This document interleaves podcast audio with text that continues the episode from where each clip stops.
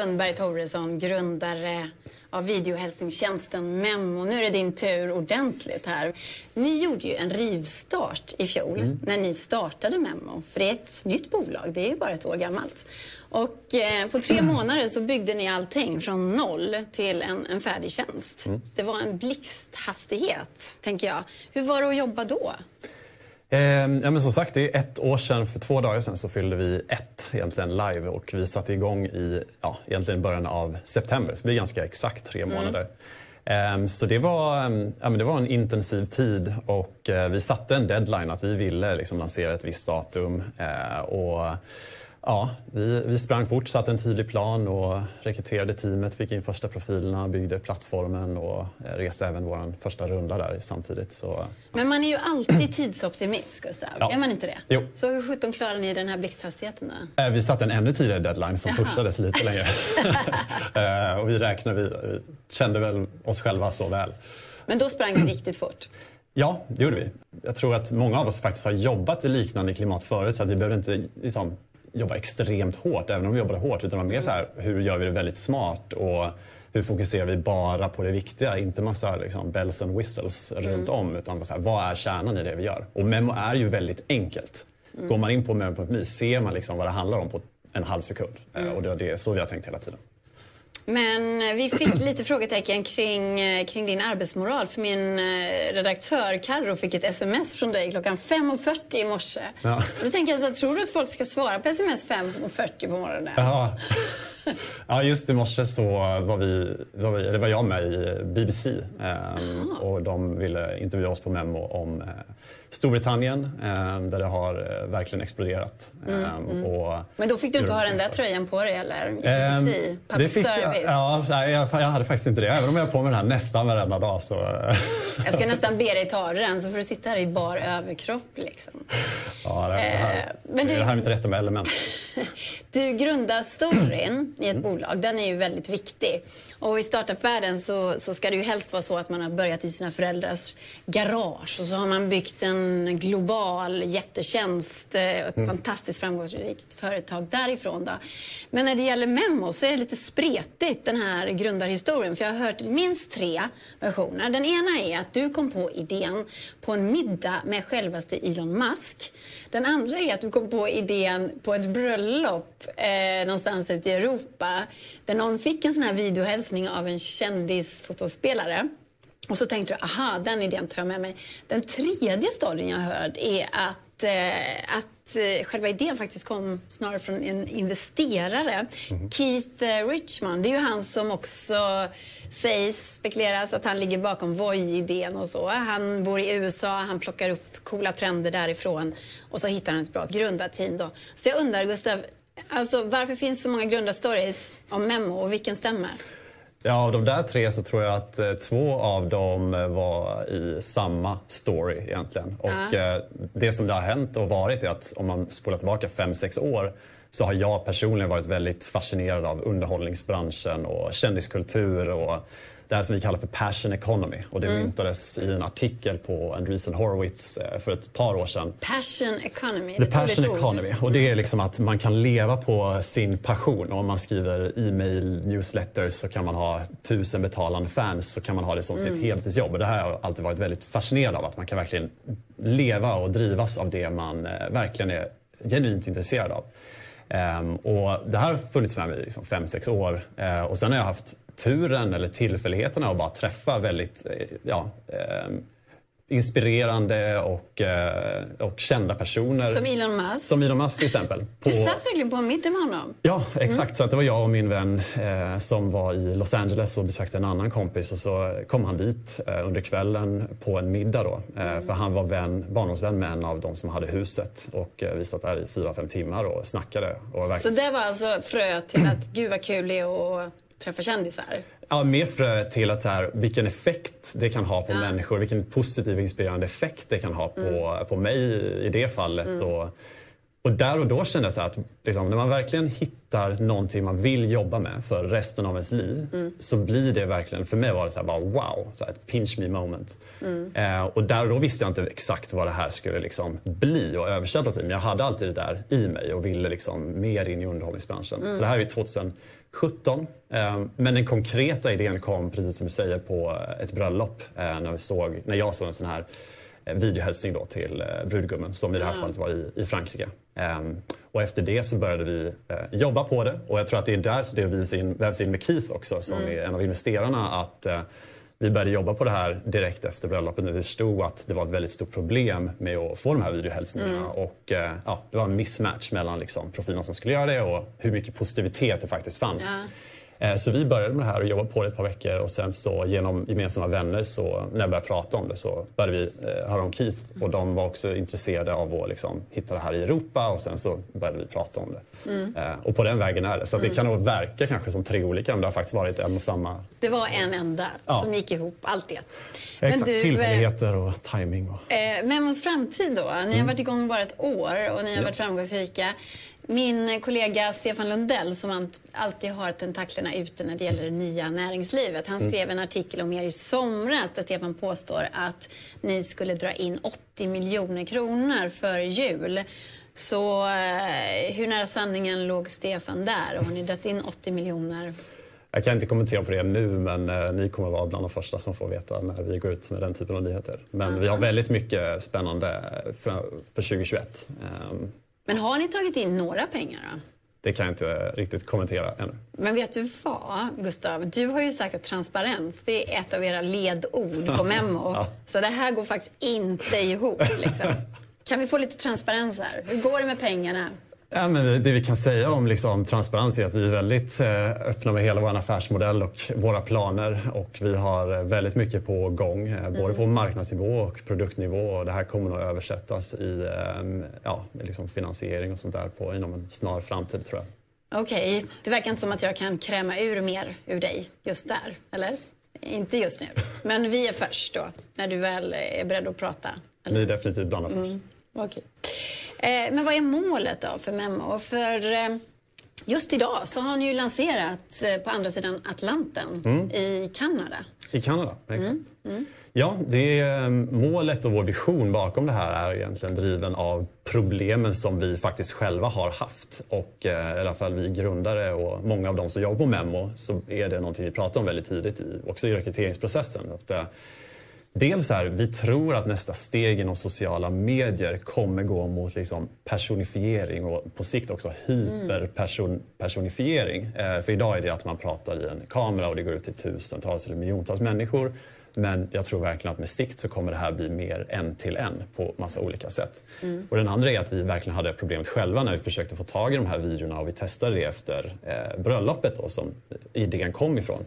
Ehm, och ehm, visionen är att kunna vara den platsen där man på flera olika sätt som eh, privatperson och även företag kan connecta med eh, kända profiler one-to-one. Mm. Mm. Så det är visionen, det vi vill driva mot. Och där i så finns det då både marknader och produkter vi kommer släppa. Men det låter ju väldigt tufft för mm. influencers att vara one-on-one -on -one med sina fans. Då får de ju jobba liksom dygnet runt och nästan klona sig själva, eller? Ja, men det finns ju också många olika sätt att göra det på. Man behöver inte göra det med alla, för man har ju faktiskt, har man hundratusentals fans och följare, då finns det ofta väldigt olika nivåer. Det finns mm. vissa som är väldigt hardcore fans och det finns vissa som kanske knappt bryr sig. Eh, och det är väl där vi vill liksom göra det möjligt för de som verkligen är de här superfansen. Eh, mm. Att man kommer fram och det kanske kan förändra ens liv och, och så skapar det väldigt mycket glädje. Liksom. Men Kanada nu då? Mm. Och vad, hur, hur, snabbt kommer ni rulla ut tror du? Då? Till andra länder och världsdelar? Och...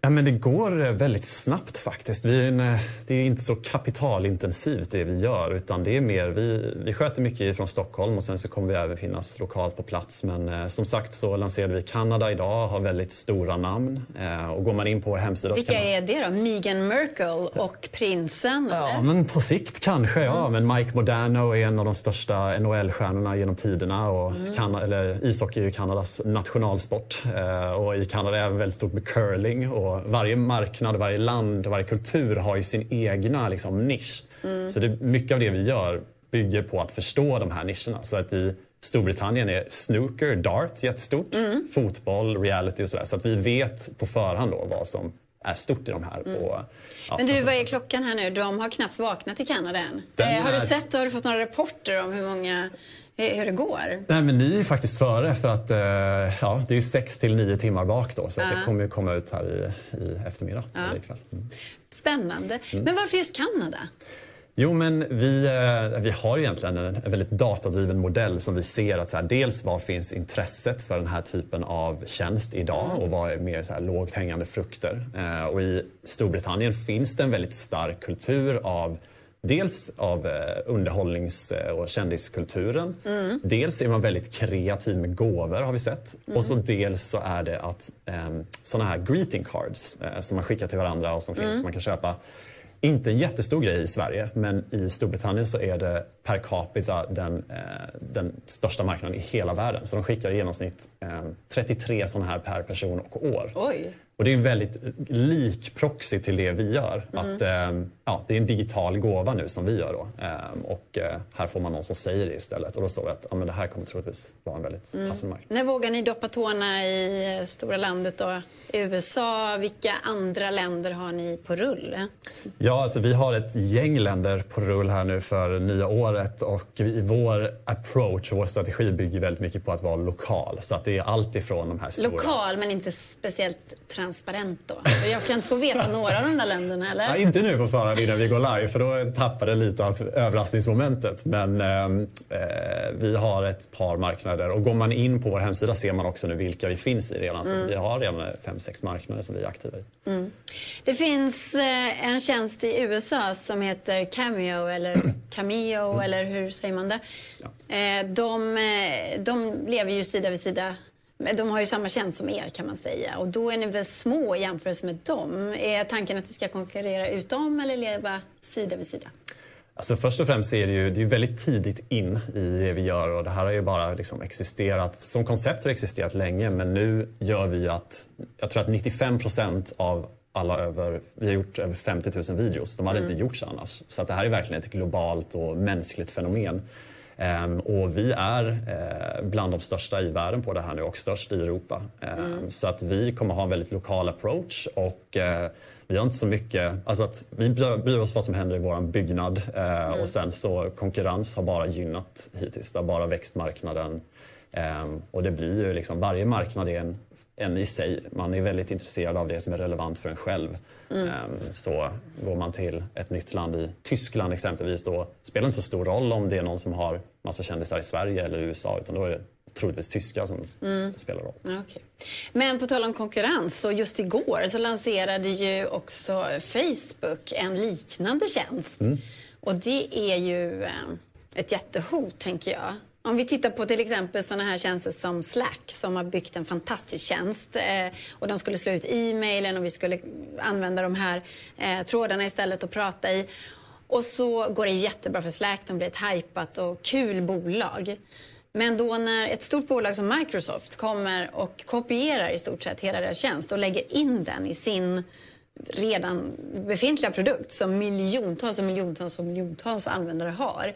Även om deras teams då är tråkigare, tristare och så vidare så får de ju direkt så mycket mer användare. Är det inte samma sak här? Om Facebook gör något liknande som det ni gör så har de redan användarna och då blir de ett extremt hot för er.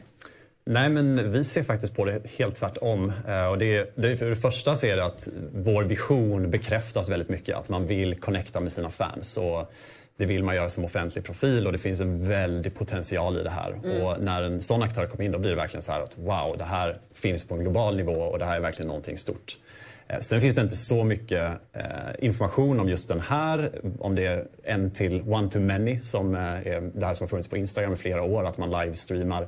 Eller om det är one to one som är det vi gör då. Eh, Så Twitch är också one to many. Så det har inte riktigt framgått än. Men det som vi liksom ser är så att det här är, dels ger det mycket mer uppmärksamhet till området eh, och vi fokuserar vår kärnverksamhet på det här. Och det är nog lite som, jag tror, jag tror faktiskt att i exempel Slack så är Slack är en riktig framgångssaga. Ja, har vi verkligen. sett. Eh, Och det finns även Dropbox. Och mycket prat där om att Oracle och Microsoft gjorde cloud samtidigt men Dropbox blev en liksom superhit. Eh, Facebook har även släppt Facebook Dating. Mm. Tinder är större än någonsin. Så att, Facebook Marketplaces har inte slagit ut Blocket eller Avito eller eh, Ebay. Och så där. Så att mm. Det handlar mycket om liksom vilken kärn, kärnfokus man har, eh, mm. tror jag. Och faktiskt i långa loppet så växer det, den större kakan. Det är lite spännande i alla fall att de här ingenjörerna där på Facebook eh, i Menlo Park har suttit säkert och eh, punktstuderat er tjänst, eller hur? Zuckerberg själv kanske? Mm. Men du, hur går det nu då? Ni har varit igång ett år. Ni beskrivs som framgångsrika, ni tar nya marknader, ni älskar jobbet, ni jobbar hårt. Så tjänar ni några pengar och går ni plus? Eh, men vi har ju väldigt mycket expansionsfokus och det är, eh, det är en väldigt bra affärsmodell men vi fokuserar på att gå ut fort i marknader och då vill man ju inte gå plus eh, helt enkelt utan vi, eh, vi har en sån approach där vi fokuserar mycket på execution. Eh, men det går väldigt bra. Eh, vi, vi växer mer än någonsin och eh, som sagt nu har vi varit live i 12 månader och levererat över 50 000 videos, har över 2 000 profiler på plattformen finns i, ja, vi är aktiva i sex eh, marknader. Eh, och, Men pengarna då? Tjänar ni några pengar? Det gör vi. Det gör ni? Ja. Hur mycket då? då? det kan jag inte gå ut med tyvärr, hur mycket exakt men... Eh, alltså man... Gustav, du måste stryka den där alltså, transparens är ert ledord på Memo. För det finns ju ingen transparens i det här vad du säger. Jag vill ju veta hur mycket pengar ni tjänar. Ja, det men, kommer okay. snart. Det, det är helt okej. Okay. Men vi kan väl prata om dig då. Då kan du vara helt transparent. Det kan. Ja. För du är ju en kille från Handels. Eh, du har eh, varit managementkonsult. Du har väldigt gott om kontakter. Du har blivit lite beskriven som en kille som flyter ovanpå. Du känner investerarna, du känner Voi-grundarna. Ni är ett gäng killar där. Lite elakt så brukar man kalla den här klicken för Stureplans entreprenörer. Mm. Hur ser du på den bilden av dig om någon skulle säga att du var en Stureplans entreprenör? Um, ja, men jag skulle säga att det, jag, jag, känner igen de här fördomarna mot Handelshögskolan och jag tycker mm. att de är faktiskt ganska orättvisa. För att jag har pluggat på Handelshögskolan och jag vet att den traditionella bilden är väldigt mycket så. Men framförallt senaste decenniet så är det en väldig skillnad, eh, tror jag, i liksom studentbasen. Från hela landet eh, kommer studenter från hela mm. världen, eh, mm. mina vänner därifrån. Väldigt mycket entreprenörskap nu jämfört med hur det var förut. Väldigt mycket fokus på hållbarhet. Eh, och, ehm, och det är en gammal bild som lever kvar med just Handels tror jag. Mm. Ehm, och, ja, för min egen del så kommer jag faktiskt från Småland. Jag kommer från en gård. Eh, jag jobbade mitt första sommarjobb när jag var 13. Eh, jag jobbat på ålderdomshem. Ehm, så att, eh, ja. Du flyter inte ovanpå riktigt? Liksom. Nej, men jag, jag, jag liksom kom att tänka på en, en föreläsare vi hade i gymnasiet som sa, någon, han hade en inspirationsföreläsning och då var det liksom en liten metafor för det här att han hade väl fått de här eh, lite sådana eh, kommentarer mm. själv men då sa han så att det folk ser är att man halkar på ett bananskal men det folk inte ser är att man äter väldigt många bananer på vägen. ehm, och det tror jag liksom hänger ihop med det där att man sitter sent på kvällarna, det är väldigt, väldigt hårt jobb och det är klart att inte det syns. Ehm, och sen så får man liksom jobba sig dit mot man vill och då knyter man kontakter på vägen. Och, ja, Mm. Så det har varit lite. Hur ser du på Memo? Alltså, kommer du jobba med Memo om tio år, tror du? Eller har du cashat in då och gått vidare till någonting annat spännande? Eller är det här så roligt som du tror att du gör om tio år? Alltså, det är... Helt ärligt, det här, det här låter ju konstigt men det är faktiskt det roligaste jag någonsin har gjort. Och det är så extremt nära min, eh, liksom, det jag ändå skulle sitta och göra på fritiden. För det här mm. är så kul. Det här är, är liksom så intresserad av det. Jag tror att skulle fråga många som jobbar hos oss skulle de säga samma sak. Vilket är så här, jag har aldrig upplevt den känslan. Och jag har jobbat på både startups och stora företag men skulle vi av någon anledning inte ha kvar Memo imorgon så skulle jag starta ett eh, exakt likadant. Alltså, det är så kul, liksom, du ser de här videorna och vi får en reaktionsvideo på kunder som har haft dem som frierier och eh, överallt. Vi har haft över 40 frierier tror jag nu. Så vi ser de här videorna varje dag. Vi ser glada folk blir. Man, ja, vi sitter ju och bara ler hela dagen, nästan. Men det är, ja, det är helt otroligt. Men är det det som driver dig mest, alltså de här reaktionerna? Eller är det att, eh, att eh, du tycker det är väldigt kul med kändisar också? Men det är dels att vi ser de här reaktionerna av liksom, wow, man kan, eh, man kan verkligen överraska någon och det, man kan göra någons, inte ens bara dag utan år. Vi ser de här kommentarerna som kommer in när man har fått eh, videon och man har mm. gett bort den och 90 procent är gåvor. Eh, och där ser man verkligen att så här, det kan ha varit någon som har varit ett fan sedan 80-talet och har förändrat någons liv och mm. ja, man får en hälsning, en verkligen personlig innerlig hälsning. Och, den är verkligen personlig och det blir en tvåvägskommunikation vilket man ser om man testar tjänsten. Ehm, och det blir så här Ibland kan jag bara sitta och läsa igenom de här kundrecensionerna och bli liksom tårögd nästan.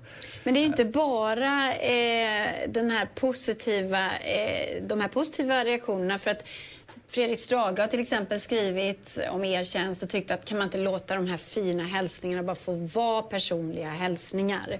Eh, jag tror att Laila Bagge också var en av de som kritiserade er tjänst och, så där, och tyckte att eh, Eh, det här var lite fånigt och varför skulle kändisar eh, sälja sig till det här och sådär. Kan du förstå den eh, kritiken också? Men jag förstår att har man inte testat det här så har man en viss bild av det. Men har man verkligen testat det och fått liksom, uppleva hur det är, dels på eh, profilsidan men dels på liksom, kundsidan så mm. får man en helt annan bild. Det är en väldigt, eh, liksom, det är en återkommande sak som jag hör och det är väldigt kul att höra att det, är, liksom, det blir en helt annan grej när man har testat det. Mm. Och sen tror jag att det är Alltså det vi gör är ju faktiskt att demokratisera och göra det möjligt att komma i kontakt med eh, de här profilerna. För det var det problemet vi själva hade och jag och medgrundarna vi, vi kände inga liksom, kända personer. Och det var så här, mm. Ingen svarade oss på DMs på Instagram.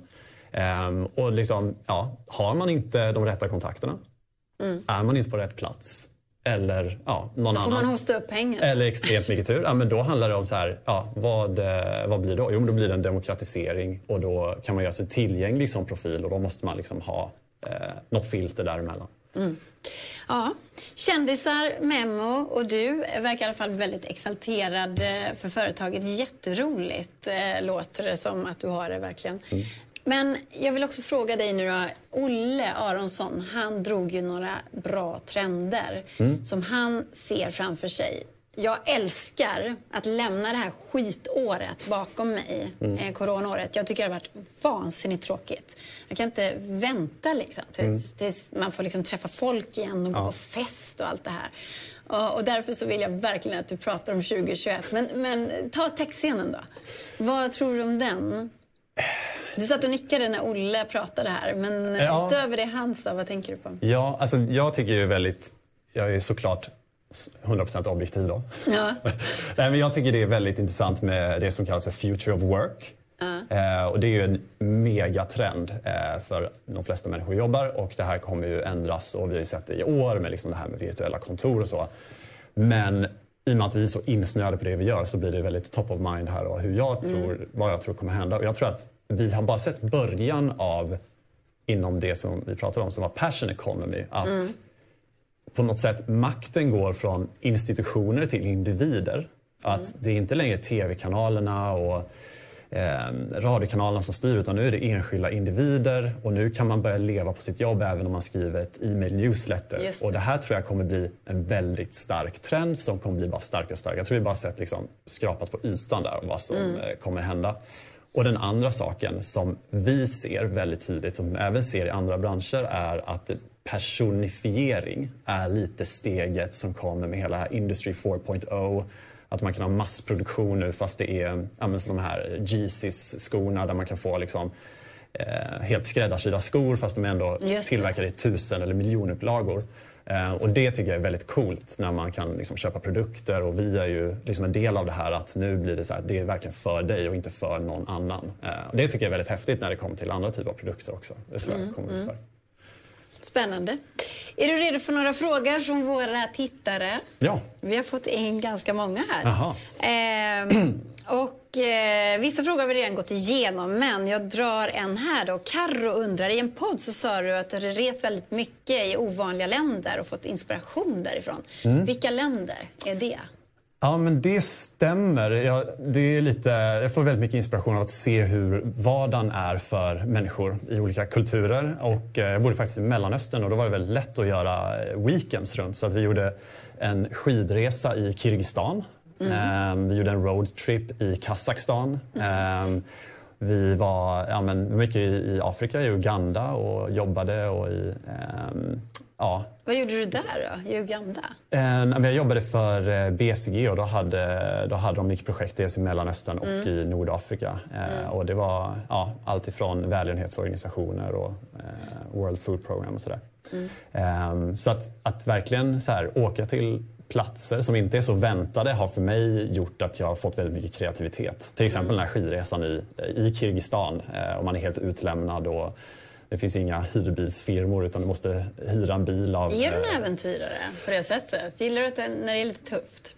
Inte ja, det enkelt? tror jag. Det tycker jag är väldigt kul. Jag tycker, mm. ja, även på semestern kan man väl utmana sig själv lite. Ninja22 eh, som brukar skriva till oss, han eller hon skriver Hur hamnade du på middag med Elon Musk? Ja. En bra fråga. Ja, det, ja. Eh, så det här var slutet av sommaren 2017 och jag och eh, min kompis vi var i Los Angeles eh, och hälsade på och sen så träffade vi en kompis som bodde där och han, han visste vi liksom har alltid en förmåga att, att hamna på väldigt intressanta situationer. Då. Mm. Men så skulle vi ändå träffa honom och vi, vi åkte ut där norr om Malibu, Topanga heter det. Ehm, och det är ingen täckning på mobiltelefonerna, det är lite mer ja, men väldigt laid back mm. uppe i bergen. Mm. Um, och uh, jag och min kompis vi köpte med oss uh, rödvin för 5 dollar till middagen då, och så satt vi och skulle käka där. Uh, och sen han som hade huset var inte där under kvällen utan de hade varit på middag och så kom de tillbaka hela det här gänget då runt, ja, på kvällen lite senare. Och då så eh, var Elon Musk en av de som kom tillbaka. Eh, Vad så... tänkte du då när du fick syn på den här eh, techstjärnan? Liksom? Eh, inte så mycket. Jag hade precis läst ut biografin tre dagar innan Jaha. så man blev rätt förstelnad. Det var en väldigt intressant upplevelse. Så det blev att dricka upp första glaset rödvin där väldigt snabbt. Mm. Så du förlorade lite hämningar och våga prata med honom. Men var han intressant? Jag tycker han verkar lite mumlig sådär när han håller sina demos och så. Men inte så här, är han så här spännande? Ja, men eh, jag tycker det man inser liksom nu med Memo också att vi är alla människor och alla är liksom olika och man har sina saker man har nördat ner sig på ett tag och som man är, kan väldigt bra. Och även han. Eh, och mm. efter ett tag så märker man ju det att eh, ja, vi är alla människor. Um, och Anledningen till att han var där då var att han var barndomsvän med, han som hade eh, huset. Mm. Vilken lyckoträff, Gustav! Emil, 92, undrar vad är det svåraste med att driva en startup? Eh, det svåraste är att vara fokuserad på sakerna som bolaget behöver, inte som man själv vill göra. Det är sånt man dras mellan hela tiden. Man hittar massa grejer som är kul att sitta med och sen måste man hela tiden tänka på vad är det bolaget behöver hela tiden. Det är uh. Jag tror min största svaghet är att jag är väldigt otålig. Mm. Eh, så att då måste man hela tiden bara tänka så här. Men också lustdriven då, att du hellre gör det som är riktigt kul framför ögonen på dig än, det, än disciplinerad och gör det man borde göra. Ja, men vi kombinerar väl det då med Memo mm. för att det är faktiskt väldigt kul även om vi gör det som är det bästa för bolaget. Mm. Men du har i alla fall identifierat det, att det är det man måste göra liksom. Ja, ja, hoppas det. Och det har ni antagligen gjort också. Sussi undrar, eh, vad är det värsta misstaget du gjort som entreprenör? Alltid en spännande fråga. Det värsta misstaget? Eh, jag tror... Ja, oj, det är så många misstag jag har gjort. Herregud. ja, men en sån här riktigt pinsam blunder vill man ju höra nu. Eh, ja... det kanske är svårt att dra något ur hatten. Ja, nej, alltså pinsamt. Jag kan väl så här, det här det är ingen rolig sak, men det är bara det första som kommer upp eh, i, i min eh, liksom, top of mind är att när vi lanserade Memo så hade vi memo.app som vår domän. Uh. Och det, vi började prata om appen Memo. Eh, och det var snack om appen Memo hit och uh. dit. Men vi bara, sen insåg vi bara, men det är ju ingen app. det är bara en app för profilerna, det är inte en app för kunderna. Uh, det. det. är en hemsida. Så vi fick supermycket eh, recensioner i App Store. Så här, jag kommer inte in, vad är det här? Oh no. och vi bara, åh herregud. Så då bytte vi till memo.me. Så det var en rejäl huvudvärk vi gärna hade varit utan. Ehm, mm. Det var det så här första, jag bara, åh, det hade varit så lätt att, att lösa det på förhand. Men ja, mm. det är ju lögn. Lina undrar, eh, vilken är den värsta minan som du har gått på? Alla vill veta ja. om dina misstag, Gustav. Minan, det är alltså någonting som man har trott mer ska fungera. Um, ja, oj vad svårt. Ja, jag, jag bara liksom säger frågorna ja. nu som kommer in. Jag vet att du inte är ett dugg förberedd så det kanske är svårt att, att hitta någonting sådär. Ja, eh, alltså jag känner mig faktiskt ganska förskonad hittills med någon sån där dundermina. Men, eh, det kommer, ja, eller hur? Den kommer ju säkert. Ja, det kommer snart. Men du, eh, Stenqvist undrar eh, eh skriver så här, jag brinner för pricing och affärsmodeller. Vad ligger snittintäkten på för mm. Memo. För eh, kändisar som Edward Blom och ja. Maria Montazami. Ja, det är ett snyggt försök att komma in på det här med liksom, att vi ska börja prata om eh, känsliga ämnen. Ja. ja. för att hade man, hade man vetat det då hade man vetat våra försäljning. För vi ja. säger hur, mycket, hur många videos vi har. Eh, men det jag kan säga det är att vi har också funderat väldigt mycket på det här med prissättning och vi tror ju att alla kan vara med på Memo. Eventually så kommer det nog bli så också mm. om man, om man liksom, eh, är en profil som passar för det. Mm. Så prissättningen är helt upp till profilerna. De har en eh, app där man kan ändra priset helt själv från liksom, sekund till sekund. Mm. Eh, och, ja, det har funkat väldigt bra för då blir det så att ingen kan egentligen säga att det här är liksom inte värt min tid eller någonting mm. Eh, sånt. Då. Eh, och det gör att allting är otroligt dynamiskt. Så att hade du frågat mig för tre månader sedan så hade du fått ett annat svar. Mm. Um, och, ja. Men ungefär då? Liksom, är det liksom 200 spänn upp till 4000 spänn? Eller vad ligger spannet på bara?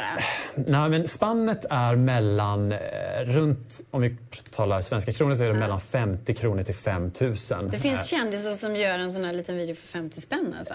50 kronor, ja. och så upp till 5 000. Och sen så det som är väldigt spännande nu eh, är att vi har lanserat den här företagsdelen för Memo då, vilket är att man som företagare kan köpa marknadsföringsinnehåll och det var någonting som jag själv som har jobbat med videomarknadsföring vet att det är ett stort problem. Mm. Så det är någonting som vi lanserar här nu i januari eh, som ett stort program att man ska kunna få tag i i sån här typ av content väldigt eh, mycket billigare då. Men det funkar alltid då? Alltså om jag sätter in de här 5000 spännen och vill ha en riktigt stor kändis mm. Eh, och skicka, gör de verkligen det eller fejkar mm. de ibland liksom?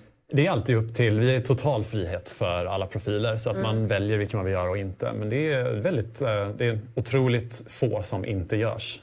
Och när det kommer till de här företagsbokningarna då, då är det en helt annan prisbild. Mm. Och ja, då blir det ju liksom, det tar inte så lång tid att göra dem. Spännande. Eh, oj. Eh, vem är hetast på Memo just nu? Undrar eh, Senar. Mm. Ja, ehm, det som är kul är att när vi har nya saker som till exempel eh, företagsbokningar, då får vi en annan typ av eh, profil som funkar väldigt bra för det. Så det beror på mm. lite vad man menar. Men om man menar det här för, som vi har haft nu i ett år med privatpersoner mm. så man kan faktiskt gå in på vår hemsida och se vilka som ligger först. Och då ser man Transparens, eller hur? Ja. ja. men vem är det som ligger först just nu då? Just nu så är det i Sverige eh, Edvard Blom, Glenn Hysén, Maria Montazami. Glenn Hysén? Eh, ja, precis. Mm. Eh, och vertikalerna som är mest populära är, jag skulle säga att det är sport och fotboll, eh, det är reality, det är TV. Eh, I UK så har du en helt annat mönster, i Kanada har du ett annat mönster och så vidare. Ja. Mm. Hur het hade Stefan Lundell varit på Memo, undrar eh, min redaktör, nyhetschefen Jon på Breakit. Ja, men det, är ett, eh, det är en vertikal som jag själv personligen är väldigt intresserad av. Det här med businessmänniskor, kanske investerare, reportrar, entreprenörer som kan ge lite tips. Och, ja, ja och sådär. Där har vi inte börjat så mycket men... Uh, Stefan... tänk, tänk att ha de här liksom startup, Daniel Ek, ja. Sebastian Siemiatkowski. Ja exakt. Alltså... Michael Moritz, så du kan få lite input på din pitch kanske. Eller du kan uh, göra en, uh, en shout-out till julfesten om du har ett uh, säljarteam eller något sånt där. Det är inte alls en dum idé. Nej. Så Stefan får höra av sig. ja, jag ska säga till honom mm. Stefan undrar själv, han har också slängt in en fråga, jag tror att det är våran Stefan alltså, som ja. undrar, vem är Sveriges bästa entreprenör? Tycker du? Oh, vilken bra fråga. Du kanske ska säga det själv, Gustav? Nej, det kan jag inte göra. Det tycker jag inte. Um, Ja, alltså jag är väldigt imponerad av eh, många. Um, och ja, herregud vad svårt. Jag tycker, um, jag tycker Fredrik Hjelm har gjort någonting med Voice som är liksom mm. uh, unheard of förut, för mig i alla fall. Det är liksom bara tiden som det har tagit, och, eller den korta tiden som har gått. Mm. Um, och ja, Oj, det finns så många att välja på. Jag, inspireras faktiskt av väldigt många. Jag har inte riktigt en. Nej, som, men Fredrik i alla fall. Ja, men jag tycker Fredrik men han är, är väl en nära vän också? Ja, precis. Och jag tycker liksom, eh, han är väldigt duktig. Och, eh, Adeline Sterner vet jag att eh, ni, har, ni har haft med i era artiklar. Mm. Hon är också väldigt mm. duktig och startat eh, proteinglass. Eh, sådär. Och, när man kan hålla på med någonting liksom väldigt länge och man brinner för det eh, och man, ja, verkligen, man ser verkligen på personer att det är i deras passion. Eh, mm. Det är inte någonting de har valt utan det här är någonting som de bara har hamnat i. Det går du igång på. Ja. Det var så otroligt kul att du kom hit, Gustav Lundberg ja, Toresson. Ja. Ja, och med det så måste vi alltså sätta punkt. Hej då!